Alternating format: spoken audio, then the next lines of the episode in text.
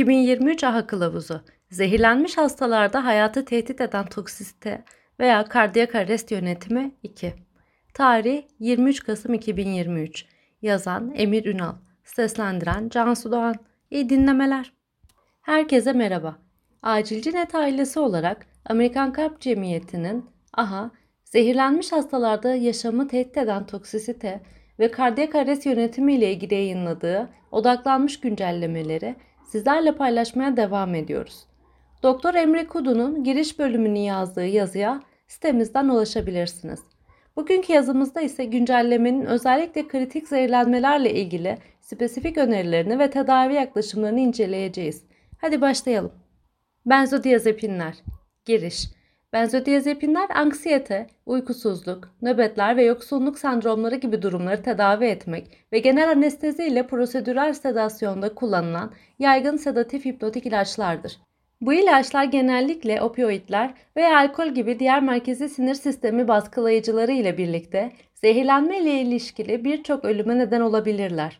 Benzodiazepin aşırı dozu GABA reseptörünü etki ederek merkezi sinir sistemi depresyonuna ve solunum yolu komplikasyonlarına neden olabilir. Bu durum hipoksemi ve hiperkarbi gibi sorunları yol açarak doku hasarına ve ölüme sebep olabilir. Benzodiazepin zehirlenmesi olan hastalarda hava yolunun açıklığının sağlanması, balon maske ventilasyonu gereklilik halinde endotrakeal entübasyon standart yaşam desteğinin önemli basamaklarıdır. Flumazenil benzodiazepinlerin GABA reseptörüne bağlanmasını engelleyen bir antagonisttir. Bu ilaç merkezi sinir sistemi ve solunum depresyonunu tersine çevirebilir. Ancak benzodiazepin bağımlısı hastalarda nöbet riskini artırabilir. Ayrıca özellikle disritmojenik ilaçlar veya hipoksi varlığında kalp ritim bozukluklarına yol açabilir. Flumazenil sempatik tonusun benzodiazepin aracılı baskılanmasını ortadan kaldırır. Flumazenil karışık aşırı dozlarda solunum depresyonunu tamamen tersine çeviremeyebilir. Çoklu ilaçla aşırı doz zehirlenmeler sık karşılaşılan bir durumdur. Benzodiazepin doz aşımı, opioid doz aşımından şüphelenildiğinde naloksanın zamanında uygulanmasını engellememelidir. Bu durum opioid katkılı yasa dışı uyuşturucuların varlığı göz önüne alındığında önemlidir. Öneriye özgü destekleyici metin 1. İzole benzodiazepin zehirlenmesi nadiren hayati tehdit eden hipoventilasyon veya hemodinamik instabiliteye neden olur. Böyle durumlarda opioid, etanol veya diğer santral sinir sistemi depresan zehirlenmelerinin olabileceği de düşünülmelidir. Opioid zehirlenmeleri benzodiazepin zehirlenmelerinden daha yaygındır. Daha belirgin solunum depresyonuna neden olur ve naloksan flumazenil ile karşılaştırıldığında daha güvenilirdir. 2. Flumazenil bazı düşük riskli durumlarda, örneğin pediatrik keşif amaçlı alımlar ve prosedürel sedasyon sırasında iatrojenik aşırı dozlar ve yüksek riskli durumlarda, örneğin kronik benzodiazepin bağımlılığı ve diğer tehlikeli maddelerin birlikte alımı, güvenilir bir şekilde dışlandığında güvenlidir. 3. Flumazenil doğrudan kalp ritmini etkilemez veya spontan dolaşımı geri döndürmez. 4. Benzodiazepin aşırı dozunun varsayıldığı hastalar üzerinde gerçekleştirilen randomize klinik çalışmaların metaanaliz sonuçlarına göre flumazenil uygulaması standart bakıma kıyasla nöbetler ve disritmiler gibi ciddi yan etkilerin daha yüksek oranda ortaya çıkmasına neden olmuştur. Flumazenil kaynaklı zararlar genellikle nadir görülmekte ve çoğunlukla etkin bir şekilde yönetilebilmektedir. Ancak tıbbi öyküsü, madde kullanım geçmişi ve maruz kalınan potansiyel toksinler hakkında yeterli bilgiye sahip olunmayan, ayrıcı tanı yapılamamış koma durumundaki hastalarda flumazenilin olası riskleri elde edilen faydalarından daha fazladır. Beta blokörler giriş. Beta blokörler zehirlenme kaynaklı ölümlerin önde gelen nedenlerindendir. Ciddi beta blokör zehirlenmesi olan hastalarda bradikardi ve kardiyak kontraktilitenin azalmasına bağlı olarak hipotansiyon gelişir.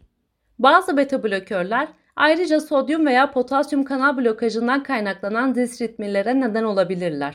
Bradikardi ve tabi adrenerjik reseptör üzerindeki doğrudan etkilerden kaynaklanırken hipotansiyon, alfa 1 adrenerjik reseptör antagonizmasından kaynaklanan vazodilatasyona veya multifaktöriyel nedenlere sekonder olabilir ve sıklıkla vazopresör tedavisine dirençlidir. Beta blokör zehirlenmesi bazen hipoglisemi ile ilişkilidir ancak bu ilişki karmaşıktır. Hipoglisemi standart tedavinin bir parçasına ek olarak dextroz ile tedavi edilir. Yaygın olarak kullanılan tedavi yöntemleri arasında atropin, glukagon, kalsiyum, vazopresörler, yüksek doz insülin ve intravenöz lipid emisyonu tedavisi bulunur. Bazı dirençli vakalarda venoarteriyel ekstrakorporal membran oksijenizasyonu kullanılmıştır. Bu tedavilerin beta blokör zehirlenmesinden kaynaklanan kardiyak arrest durumunda kullanımı ile ilgili herhangi bir çalışma yoktur. Bu nedenle öneriler ciddi beta blokör kaynaklı şoku olan zehirlenmiş hastalarda yapılan çalışmalardan türetilmiştir.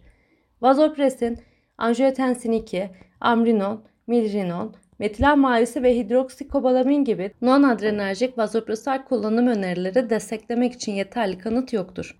Öneriye özgü destekleyici metin Yüksek doz insülin, beta blokör zehirlenmesinden kaynaklanan kardiyojenik şokta inotropiyi iyileştirir. Büyük bir kohort çalışması, vazopresörlerde tek başına tedaviye göre daha düşük vazokonstrüktif komplikasyon oranları ile olumlu sonuçlar bildirmektedir.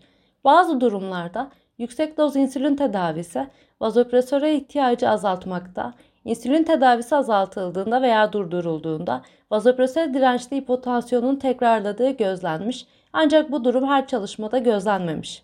İnotropların ve vazopresörlerin başarılı kullanımı son dönemde yapılan sistemik incelemelerde, vaka raporlarında, vaka serilerinde ve hayvan çalışmalarında tanımlanmıştır. Hızlı etki göstermeleri ve kolay erişilebilir olmaları nedeniyle vazopresörler genellikle beta blokör kaynaklı hipotansiyon için ilk tedavi seçeneğidir.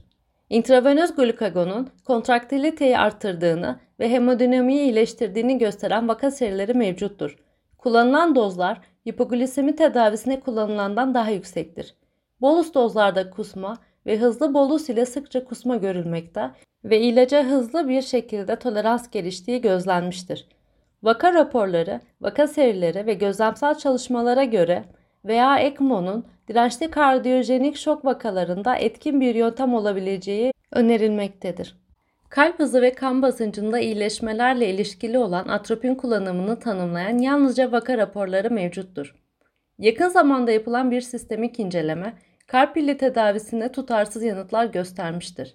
Elektriksel ve mekanik yakalama her zaman başarılı olmamakta ve mekanik yakalamaya rağmen hipotansiyonun devam edebileceği gözlenmiştir. Böbrek yetmezliği olan hastaların atenolol veya sotalol nedeniyle ciddi zehirlenmeleri halinde hemodiyalizden fayda gördüklerini gösteren çalışmalar bulunmaktadır. Benzer şekilde nadolo da diyalizden fayda görebilir. Ancak bu durum ile alakalı yeterli kanıta dayalı veri bulunmamaktadır. İle kullanımı beta blokör zehirlenmesi olan hastalarla ilgili vaka raporlarında ve gözlemsel çalışmalarda tanımlanmıştır. Oral beta blokör doz aşımı olan hastalara ile uygulandığında va-ECMO filtrelerinin tıkanması, pankreatit ve ani kardiyovasküler kolaps gibi yan etkiler bildirilmiştir. Kalsiyum kanal blokörleri Giriş L tipi kalsiyum kanal antagonistleri genellikle KKB'ler olarak adlandırılır. İki farmakolojik sınıfa ayrılır. Dihidropiridinler, örneğin nifedipin, amlodipin ve non-dihidropiridinler, örneğin diltizam ve rapamil, terapötik dozlarda non-dihidropiridinler kalp dokusunda özellikle sinatriyal ve atrioventriküler düğümlerde daha belirgin etkilere sahiptir. Bu da negatif kronotropiye yol açar. Dihidropiridinler periferik vazodilatasyon yapar. Bu ayrımlar terapötik dozlar aşıldığında çoğunlukla kaybolur ve hastalar bradikardi, vazodilatasyon ve negatif inotropiye bağlı şok tablosuyla başvururlar. KKB'ler zehirlenme kaynaklı ölümlerin önde gelen nedenlerindendir. Yaygın olarak kullanılan tedavi yöntemleri arasında atropin, kalsiyum, vazopresörler, yüksek doz insülin tedavisi, nitrik oksit inhibitörleri, örneğin metilen mavisi ve ile tedavisi önerilir. Dirençli vakalarda eksokorporal yaşam desteği olarak VAECMO kullanılabilir. Bu tedavilerin kardiyak arrest veya dirençli şok tedavilerinde kullanımı ile ilgili herhangi bir randomize kontrollü klinik çalışma bulunmamaktadır. Bu nedenle verilen öneriler ciddi derecede zehirlenmiş hastalara dair sınırlı ve düşük kaliteli bilgilere dayanmaktadır. Vazopresin, angiotensin 2, amrinon, milrinon ve hidroksikobalamin gibi diğer non-adrenerjik vazopresörlerin kullanımını destekleyecek yeterli bilimsel kanıt olmadığı için bu ilaçların kullanımı önerilmemektedir. Öneriye özgü destekleyici metin. KKB kaynaklı şok hastalarında sıklıkla vazopresör tedavisi uygulanmaktadır. Bu tedavi özellikle norepinefrin kullanımıyla yüksek hayatta kalma oranları ve düşük iskemi komplikasyon riski sunmaktadır. Ciddi kardiyojenik şok kliniğindeki hastalarda KKB zehirlenmesine karşı yüksek doz insülin tedavisi inotropiyi iyileştirdiği ve vazopresörlerle tek başına tedaviye göre daha olumlu sonuçlar elde edilmiştir.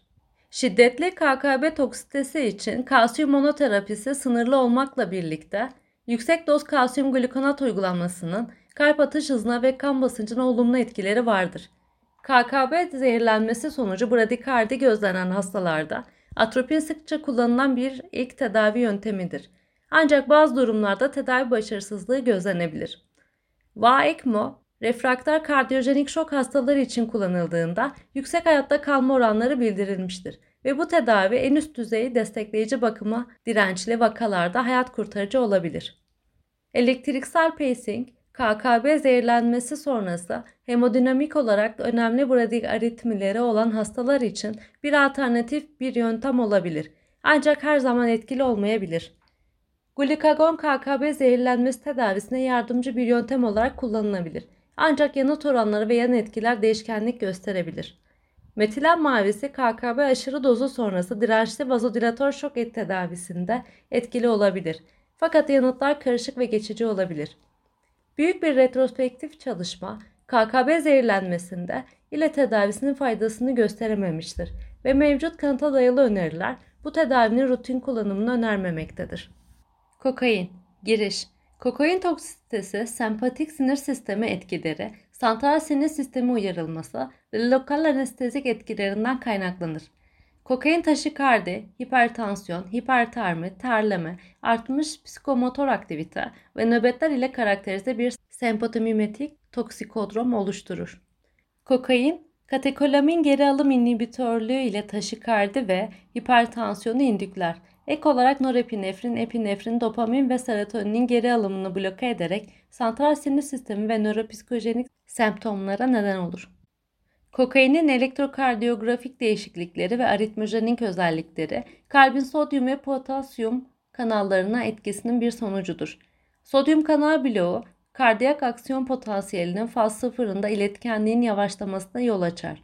Sonuç olarak hastalarda Vaughan-Williams 1A ve 1C ilaçlarında görülenlere benzer QRS uzaması ve geniş kompleksi taşikardiler gelişir. Kokain kardiyak potasyum kanallarının bloke edilmesi yoluyla QT aralığının uzamasına da neden olabilir. Diğer LA'lar gibi kokain de nöronal sodyum kanallarını bloke eder. Kokain kaynaklı aritmiler arasında asistolik kardiyak arrest ve nabızsız ventriküler taşikardi yer alır.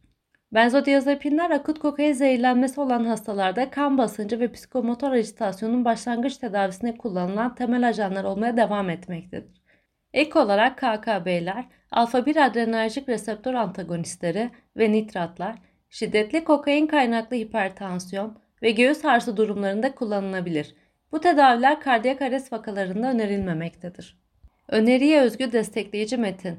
Hipertermi hayati tehlike oluşturabileceğinden vücut ısısının hızlı bir şekilde düşürülmesi önemlidir. Buharlaştırma veya immersiyon soğutma yöntemleri, soğutma battaniyeleri ve damar içi soğutma yöntemlerine kıyasla daha etkindir. Sodyum bikarbonat şiddetli kokain zehirlenmesine bağlı geniş kompleksi taşikardi ve asistolik kardiyak arrest vakalarında başarıyla kullanılmıştır. Lidokain hayvan deneylerinde kokainin etkilerini tersine çevirebilmekte, klinik olgularda da kullanım güvenliği bildirilmektedir. Kokain kaynaklı arrest vakalarında tercih edilebilir. İnsanlarla yapılan klinik çalışmalar, kokaine bağlı koroner vazospazmı olan hastalarda vazodilatörlerle fentolamin, nitratlar ve rapamil, tedaviden sonra koroner kan akışında ve miyokardiyal oksijen iletiminde iyileşmeler olduğunu göstermektedir.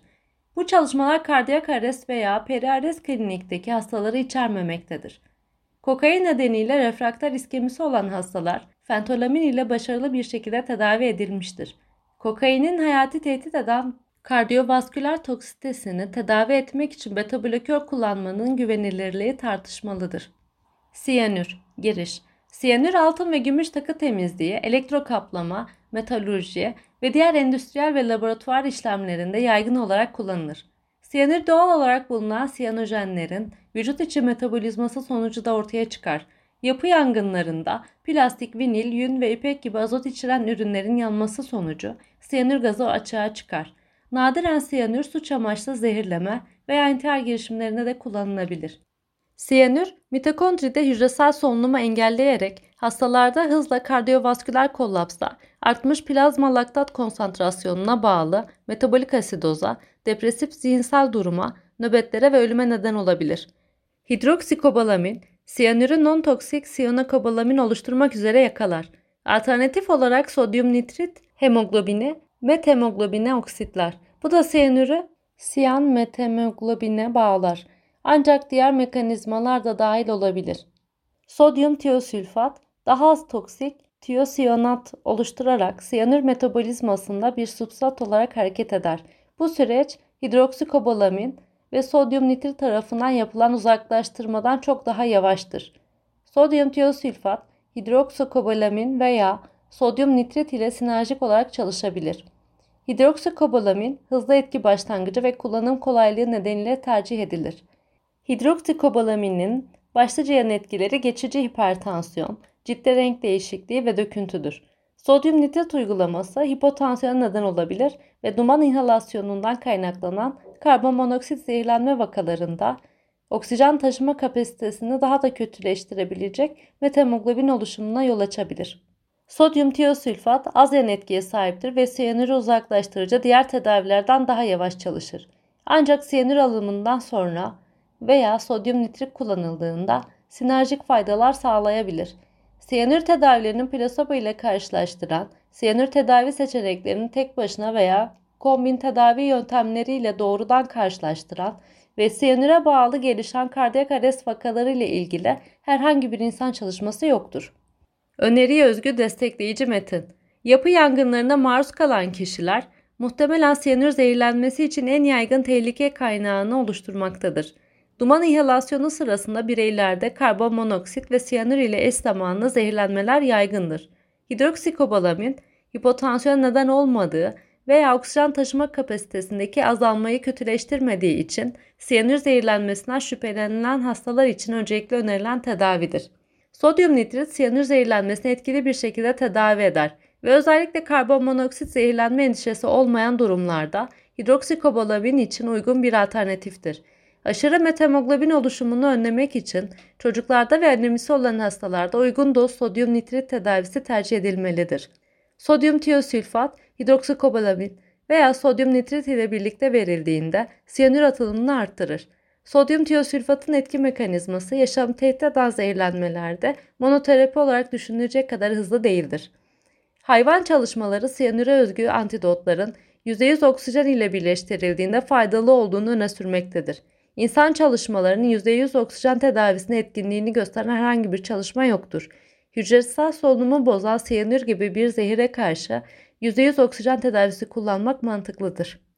Digoksin ve ilgili kardiyak glikozitler Giriş Kardiyak glikozit zehirlenmesine digoksin ve digotoksin gibi ilaçlar, yüksek otu ve zakkum gibi bitkiler ve etnofarmasötik veya halüsinojen olarak yutulan bazı kurbağa zehirleri neden olabilir. Son yıllarda digoksin ve digitoksinin reçetelenmesindeki azalmaya rağmen aşırı doz kasıtsız alım, ilaç ilaç etkileşimleri ve renal klirensin azalmasına bağlı ilaç birikimi nedeniyle zehirlenmeler görülmeye devam etmektedir. Kardiyak glikozit zehirlenmesi olan hastalarda gastrointestinal semptomlar, konfüzyon, hiperkalemi ve atrioventriküler blok, ventriküler taşikardi, ventriküler fibrilasyon ve asistoli dahil olmak üzere birçok kardiyak iletim anormallikleri gözlenebilir. Digoksine özgü immün antikor parçaları, FAB, digoksine ve yapısal olarak benzer kardiyak glikozitlere bağlanır ve bunları etkisiz hale getirir. Dünya çapında farklı doz rejimleri kullanılmaktadır. Kardiyak arrest vakalar için ideal amperik doz bilinmemektedir. Akut digoksin zehirlenmesi sıkça hiperkalemiye neden olur ve güncel ileri yaşam desteği ve pediatrik ileri yaşam desteği yönergeleri hiperkalemi için kalsiyum uygulanmasını önerir. Hayvan çalışmaları, ex vivo çalışmaları ve vaka raporları bu durumda kalsiyum uygulanmasının mitokondriyal tetani, taş kalp nedeniyle kardiyak arreste yol açabileceğini düşündüren raporlar paylaşmışlardır. Kronik digoksin zehirlenmesi olan hastaları içeren retrospektif bir kohort çalışması ve domuz üzerinde yapılan bir başka hayvan deneyinde ise kalsiyum uygulanmasının ne zararlı ne de faydalı olduğu gözlenmiştir. Hayvan çalışmalarının verileri, yaşamı tehdit eden yeni disritmileri tetikleme riski nedeniyle digoksinle zehirlenmiş hastalarda defibrilasyon konusunda endişelere yol açmıştır. Kardiyak arrest vaka raporları bazı vakalarda yanıt olduğunu, bazılarında yanıt olmadığını, ancak yeni gelişen disritmi olmadığını göstermiştir. Aksi verilere sahip olmadığı sürece standart ileri yaşam desteği ve pediatrik ileri yaşam desteği defibrilasyon yönergelerinin takip edilmesi ve aşağıdaki tabloda ayrıntılı olarak anlatıldığı gibi digoksin FAP tedavisine eklenmesi önerilir. Öneriye özgü destekleyici metin. Gözlemsel çalışmalardan elde edilen veriler digoksin FAP uygulanmasından sonra yaşamı tehdit eden disritmilerin gerilediğini göstermektedir. Çoğu çalışmada yanıt oranları %50 ila %90 arasında değişmekte ve çoğu vakada disritmilerin 30 ila 45 dakika içinde gerilediği bildirilmiştir. Digoksin veya digitoksin zehirlenmesinden kaynaklanan kardiyak arresti inceleyen RKÇ'ler olmamakla birlikte digoksin FAP tedavisi gören hastalarda hayatta kalma oranları %54, 50 hastadan 30'u yüz güldürücüdür. Bu veriler dikkate alındığında tedavi güvenli görünmektedir. Hemodinamik olarak stabil hastalar üzerinde yapılan RKÇ'lerde sarı oleander zehirlenmesinde digoksin FAB'a verilen yanıtı umut verici bulmuştur. Digoksin, digitoksin ve zakkum çiçeği dışındaki kardiyak glikozitlerden kaynaklanan zehirlenmeleri tedavi etmek için digoksin FAB kullanımını destekleyen veriler vaka raporlarıyla sınırlıdır. Yayımlanan vaka raporları kardiyak glikozit toksitesine bağlı gelişen bradikardi vakalarında atropin ile tedavisini çeşitli etkilerle anlatmaktadır. Digitalis toksitesi için atropinin incelendiği kohort çalışmaları veya randomize klinik denemeler yayınlanmamıştır.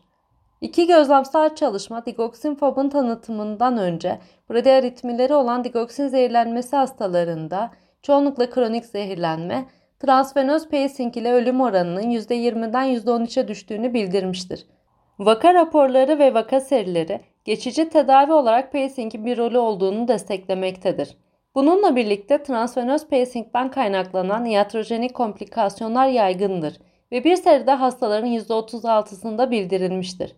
Bazı hastalar normalden daha yüksek akıma ihtiyaç duymuş ve pacing işlemine ara verildikten sonra pacing işleminin yeniden başlatılamadığı gözlenmiştir.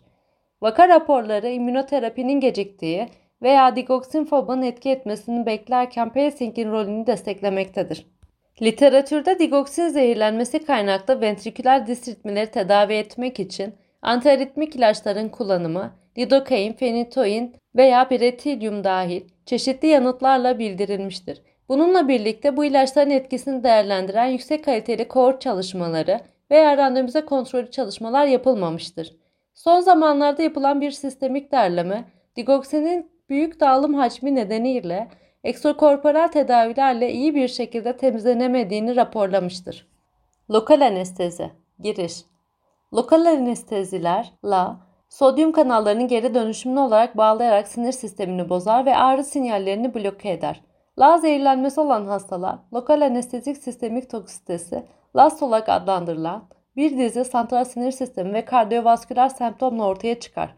Santral sinir sistemi toksitesi LAS'lı hastaların %77-89'unda nöbetler en yaygın, ajitasyon, senkop, dizartri, perioral uyuşma, konfüzyon, letarji ve baş dönmesini içerir. Daha az yaygın olmasına rağmen kardiyovasküler toksite LAS'lı hastaların %32-55'inde hayati tehdit edici olarak olabilir. Bir vaka serisinde vakaların %12'sinde asistoli ve %13'ünde ventriküler fibrilasyon ve ventriküler taşikardi meydana geldiği gözlenmiş. Lağlar lipofilik yan zincirleri ile ilişkili potansiyellerine bağlı olarak toksite açısından farklılık gösterir. Bu pivakain kardiyak sodyum kanallarına daha fazla afinitesi ve bağlanma süreleri nedeniyle bir köpek modelinde ropivakain ve lidokainden daha güçlü bir kardiyotoksik ajan olduğu raporlanmıştır. Bu pivakain ayrıca reentry disritmilerine neden olabilir. İletim yollarını baskılayabilir ve kalsiyum kanallarını bloke edebilir. Bu pivakain zehirlenmesi için en uygun tedaviler diğer lağlardan farklı olabilir ve bu farklılıklar net anlaşılamamıştır. Hem hipoksi hem asidemi hayvan modellerinde bupivakain toksitesini kötüleştirmektedir. Lağ zehirlenme vakalarında ventilasyon ve asideminin tedavisi kritik öneme sahiptir. Birçok LAS vaka raporu perioperatif olarak der- gerçekleşmiş, erken ileri hava yolu uygulamasının ve ile olmadan standart İYD yöntemleriyle spontan dolaşım geri döndüğü hastalar raporlanmıştır. Standart İYD'ye ek olarak erken ile uygulanması hayvan modellerinde, vaka raporlarında ve gözlemsel çalışmalarda etkilidir. Diğer farmakolojik müdahaleler, örneğin hipertonik sodyum bikarbonat çözeltileri ve mekanik destek, örneğin VAECMO, LAST için kullanılmıştır. Ancak bu müdahalelerin etkinliği belirsizliğini korumaktadır. İle için kanıta dayalı doz önerileri eksiktir. LAS tedavisine yönelik hayvan çalışmaları ve insan deneylerinin çoğunda %20 ile kullanılmaktadır. Bu dozu propofol ile tekrarlama girişimleri muhtemelen derin hipotansiyona yol açacaktır. Öneriye özgü destekleyici metin. LAST hastalarında %20 ilenin erken uygulanması, hayvan çalışmaları, vaka raporları ve bir adet küçük RKÇ ile desteklenmektedir. Hipoksi ve asiteminin önlenmesiyle birlikte ile uygulaması bu çalışmalarda başarılı resitasyona yol açmıştır. Ancak çalışmaların çoğu kontrolsüzdür. Yapılan randomize kontrollü çalışma 16 kişi üzerinde ropivakain ve levobupivakainin farmakolojik etkilerini ve tolere edilebilirliğini incelemiştir. Bu iki anestezik ilacın %20 ile veya plasebo ile birlikte kullanılması durumunda ilenin her iki ilacın kan plazma konsantrasyonunu azalttığı ancak nörolojik semptomlara neden olan ilaç dozunda istatistiksel bir fark olmadığı belirtilmiştir. Ancak bu çalışmanın küçük bir örneklemle yapılmış olması gibi sınırlılıkları bulunmaktadır. Lastlı hastalar santral sinir sistemi toksitesinden kardiyotoksiteye hızla ilerleyebilir. LAS ile ilişkilendirilen nöbetler hipoksi ve asidemiyi kötüleştirebilir. Nöbet benzeri aktiviteyi durdurmak için benzodiazepinlerin uygulanması LA ile ilişkili kardiyotoksiteyi önleyebilir ve yaygın olarak terapötik rejimin bir parçası olarak bildirilmektedir. Sodyum bikarbonat uygulaması LA'ların sodyum kanalı blokajının üstesinden gelebilir ve asidemiyi düzeltebilir. Bradikardi LAS'ın en yaygın kardiyovasküler belirtisidir. Atropinin başarılı olduğunu gösteren vaka raporları mevcuttur. LAS ve refraktör kardiyojenik şoku olan hastalar için kardiyopulmoner bypass veya VA-ECMO gibi mekanik ve isteğin başarılı bir şekilde kullanıldığını gösteren vaka raporları bulunmaktadır. Ne yazık ki VA-ECMO'nun yaygın olarak bulunmaması bu müdahalelerin kullanımını sınırlamaktadır. Beni dinlediğiniz için teşekkür ederim.